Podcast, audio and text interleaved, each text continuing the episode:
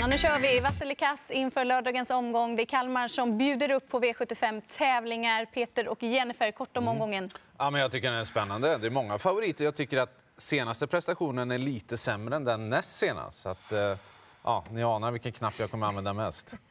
Ja, Och precis. tre voltstartslopp. Ja, men det är alltid roligt. Storloppet som det brukar kunna hända en hel del. Framförallt Kalmars upplopp. Jag tycker att det brukar kunna hända en hel del där också, så jag har förväntningar. Mm, då kör vi igång och syna favoriterna börjar i V75 1. Det är bronsdivisionen, det är långlopp, voltstart och favorit är nummer tre, Lucky Guy Boko. V75 1. Det här är listan för V75 2. Jag trycker ändå eh, rött eh, med tanke på att han, ja, han går upp lite i klass men jag tror ändå att han bär pengarna. Men det är ändå vanlig sulke. Man var lite rädd då när han skulle tävla med skor att han var missgynnad av det. Han motbevisade det och ja, presterade på toppen då. Så det kan absolut gå med vanlig sulke. Men som favorit kanske jag inte, inte vågar tro på det. Utan eh, då är det väl nio Lucifer Sam som stod för en häftig prestation från utvändigt ledaren senast som är given där bakom.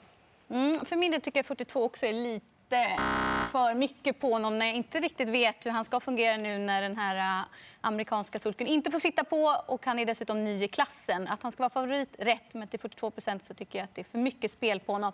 Två skrällar, sju Oscar Rand, kanske kan hamna i ryggledaren. Med lucka skulle kunna gå vägen och 12 Rossi Garline till 6 procent. Han trivs på distansen, han trivs med skon på kanske Flemming Jensen kan få till styrningen.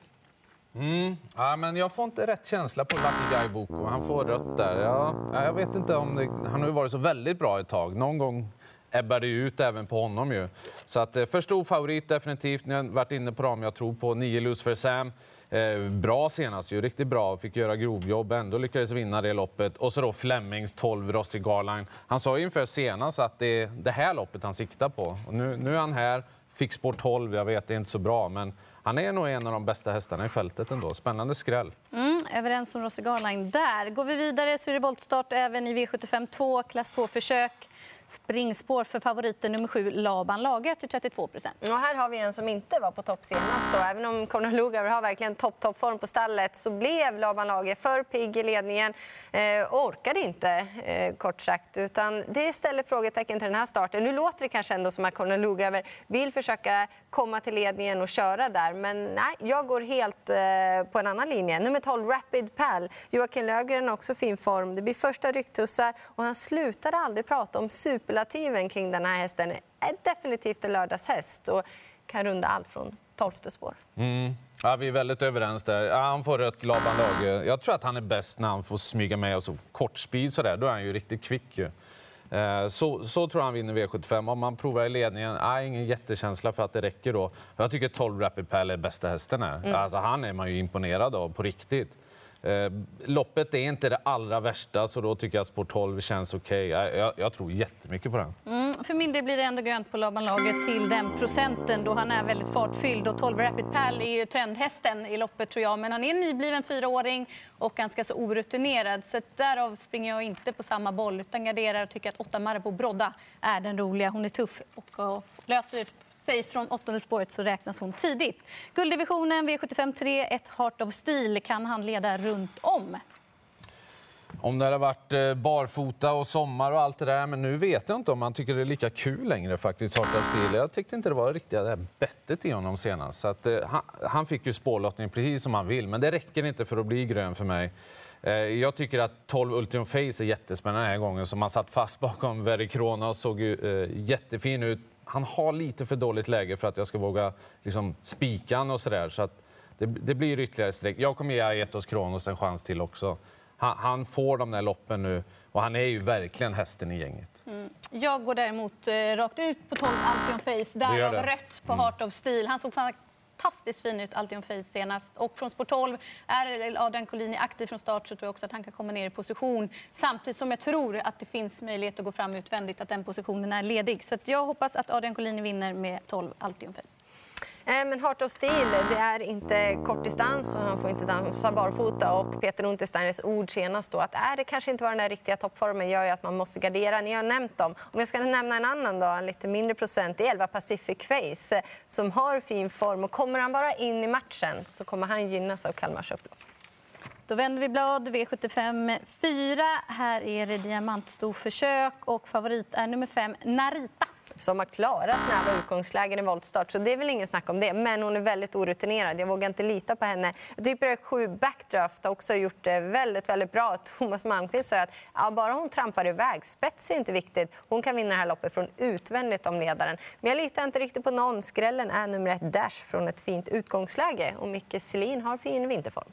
Men Örjan Kihlström har inte vunnit lopp i år på 15 försök. Det är ni. Nej, men eh, rätt på Narita och det är inte på grund av henne för hon har varit fantastisk. Men att ha spår 4, bara gjort fyra starter i karriären så blir det direkt rött bara för att då är man lite för orutinerad för att bära det stora favoritskapet. Backdraft också spännande men skrällen 15 Prima Donna Tile. Ja, stängt läge, men hon är själv på den volten och har stängt läge och hon går ner i klass ordentligt. Så 2% på en häst som kan flyga fram och ha lite mer hårdhet, det tar jag.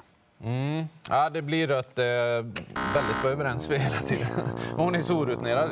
Det är ganska ovanligt att vi har såna. Hur bra är hon egentligen? Ja, det vet vi inte. Hon är tillräckligt bra för att vinna. Men eh, det är mot äldre nu och hon gör bara femte starten och det är spår fem i volt. Även om hon har varit travsäker så ibland kan det liksom Helt plötsligt så sköter hon sig inte längre. Det har ändå hänt förr. Eh, backdraft är ju jättespännande nummer sju. Nu när hon börjar trampa rätt så Ja, hon, hon, tycker jag har hög kapacitet. Hon är minst lika bra som favoriten just nu och har ju ett eh, bättre spår. Så den tror jag klart mest på. Mm, V75 5, även Top 7-loppet. Det är klass 1 och favorit nummer 6 Red Bull Pellini till 26 procent. Jag kan börja. Han har gjort det jättebra.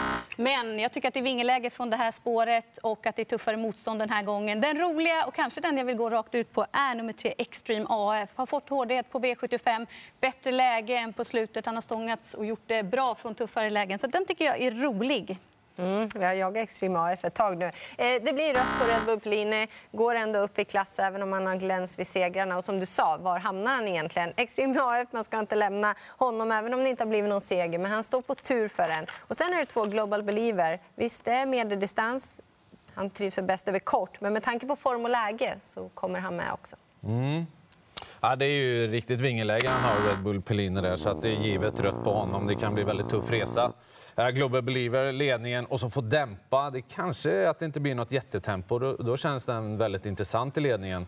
Och sen superskrällen då, 9 End Over Heaven som såg väldigt bra ut som fastlås senast. Stämmer det maximalt så skulle han kunna överraska.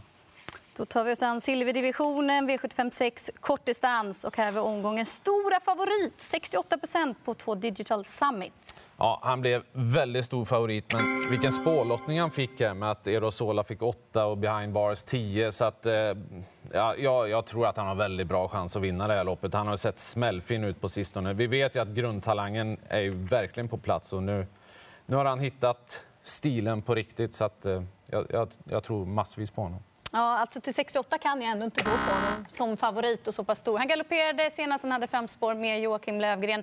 Jag är inte säker på att han kan öppna blixtsnabbt och till 68 procent över kortdistans då vill jag ha en favorit som sitter i ledningen och då garderar jag brett i det här loppet och tycker att den roliga är ju dels fem Hurricane River och sex Arvid SO. För låg procent på den duon.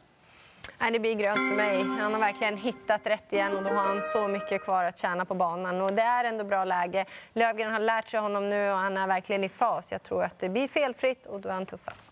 Mm, då går vi till V757, diamantstor. Det här är en spårtrappa och det är ganska så jämnt här. Men favorit nu att bedöma tre Affinity Face. Ja, det blir ändå rött. Eh, hon är väldigt tidig, men jag tycker det är ett garderingslopp. Jag litar inte 100 på Affinity Face. Adrian Collini sa ju bara vi kommer upp till startbilen och kommer iväg, ja då är det här klart. Men hon ska göra det också, hon har en galopphistorik. Eh, då tycker jag väl ändå 12 in Inemin Minimo DK för Flemming Jensen ändå inte ska glömmas bort trots att eh, de har ett dåligt utgångsläge. Och så två Sanibel. Ja, hon har inte tjänat så mycket, men vilken formkurva hon har haft. Mm, jag trycker rätt på 3 Affinity Face för att jag tycker att det är 12 Ini Mini Mini Mo som ska bära favoritskapet som står väldigt bra inne sett till intjänade pengar i den här spårtrappan. Så spår 12 för hennes del tycker jag inte är så tokigt när det ändå skiljer så pass mycket pengar de här emellan. Så rätt favorit, men jag går ju som sagt inte på Flamiensen fullt ut. Utan 11 Jensen Passion tycker jag är bra nog till 9% och sen 4 Eroin Darling. Så den trion tycker jag går före Affinity Face. Mm. Jag skulle nästan kunna prata om vilken häst som helst här. Eh, alla känns ju aktuella. Eh, hon måste få rött Affinity Face bara för att jag inte litar på henne helt enkelt. Eh, annars så är hon ju en av de bättre hästarna i fältet, inget snack om det. Här gäller det att sträcka på ordentligt. En sån som 10 Realist Dream, den skulle ju alla ha senast. Hon räckte inte riktigt till formmässigt då, har fått det loppet i kroppen, kanske överraskar nu istället. Så att den, från att gå från typ favorit till minst spelad i ett V75-lopp, det, det tycker jag man kan hugga på. Mm, summerar vi ihop det så blev det en vass favorit och det var ju Digital Summit i den sjätte avdelningen. Annars övrigt väldigt röda tryck. Är det så att omgången är svår eller mer att favoriterna har varit felspelade och till och med fel favorit i loppen? Ja, det hinner nog ändras lite grann tror jag. Eh, men eh, det, det är lite frågetecken på många favoriter faktiskt. Hur är det med vinterformen egentligen? Så att pengar på gång. vi hoppas och tror på eh, i alla fall väldigt bra prestationer och roliga lopp. Så får vi se mm. vad utdelningen landar på. Det var våra tankar och idéer inför V75 Kalmar.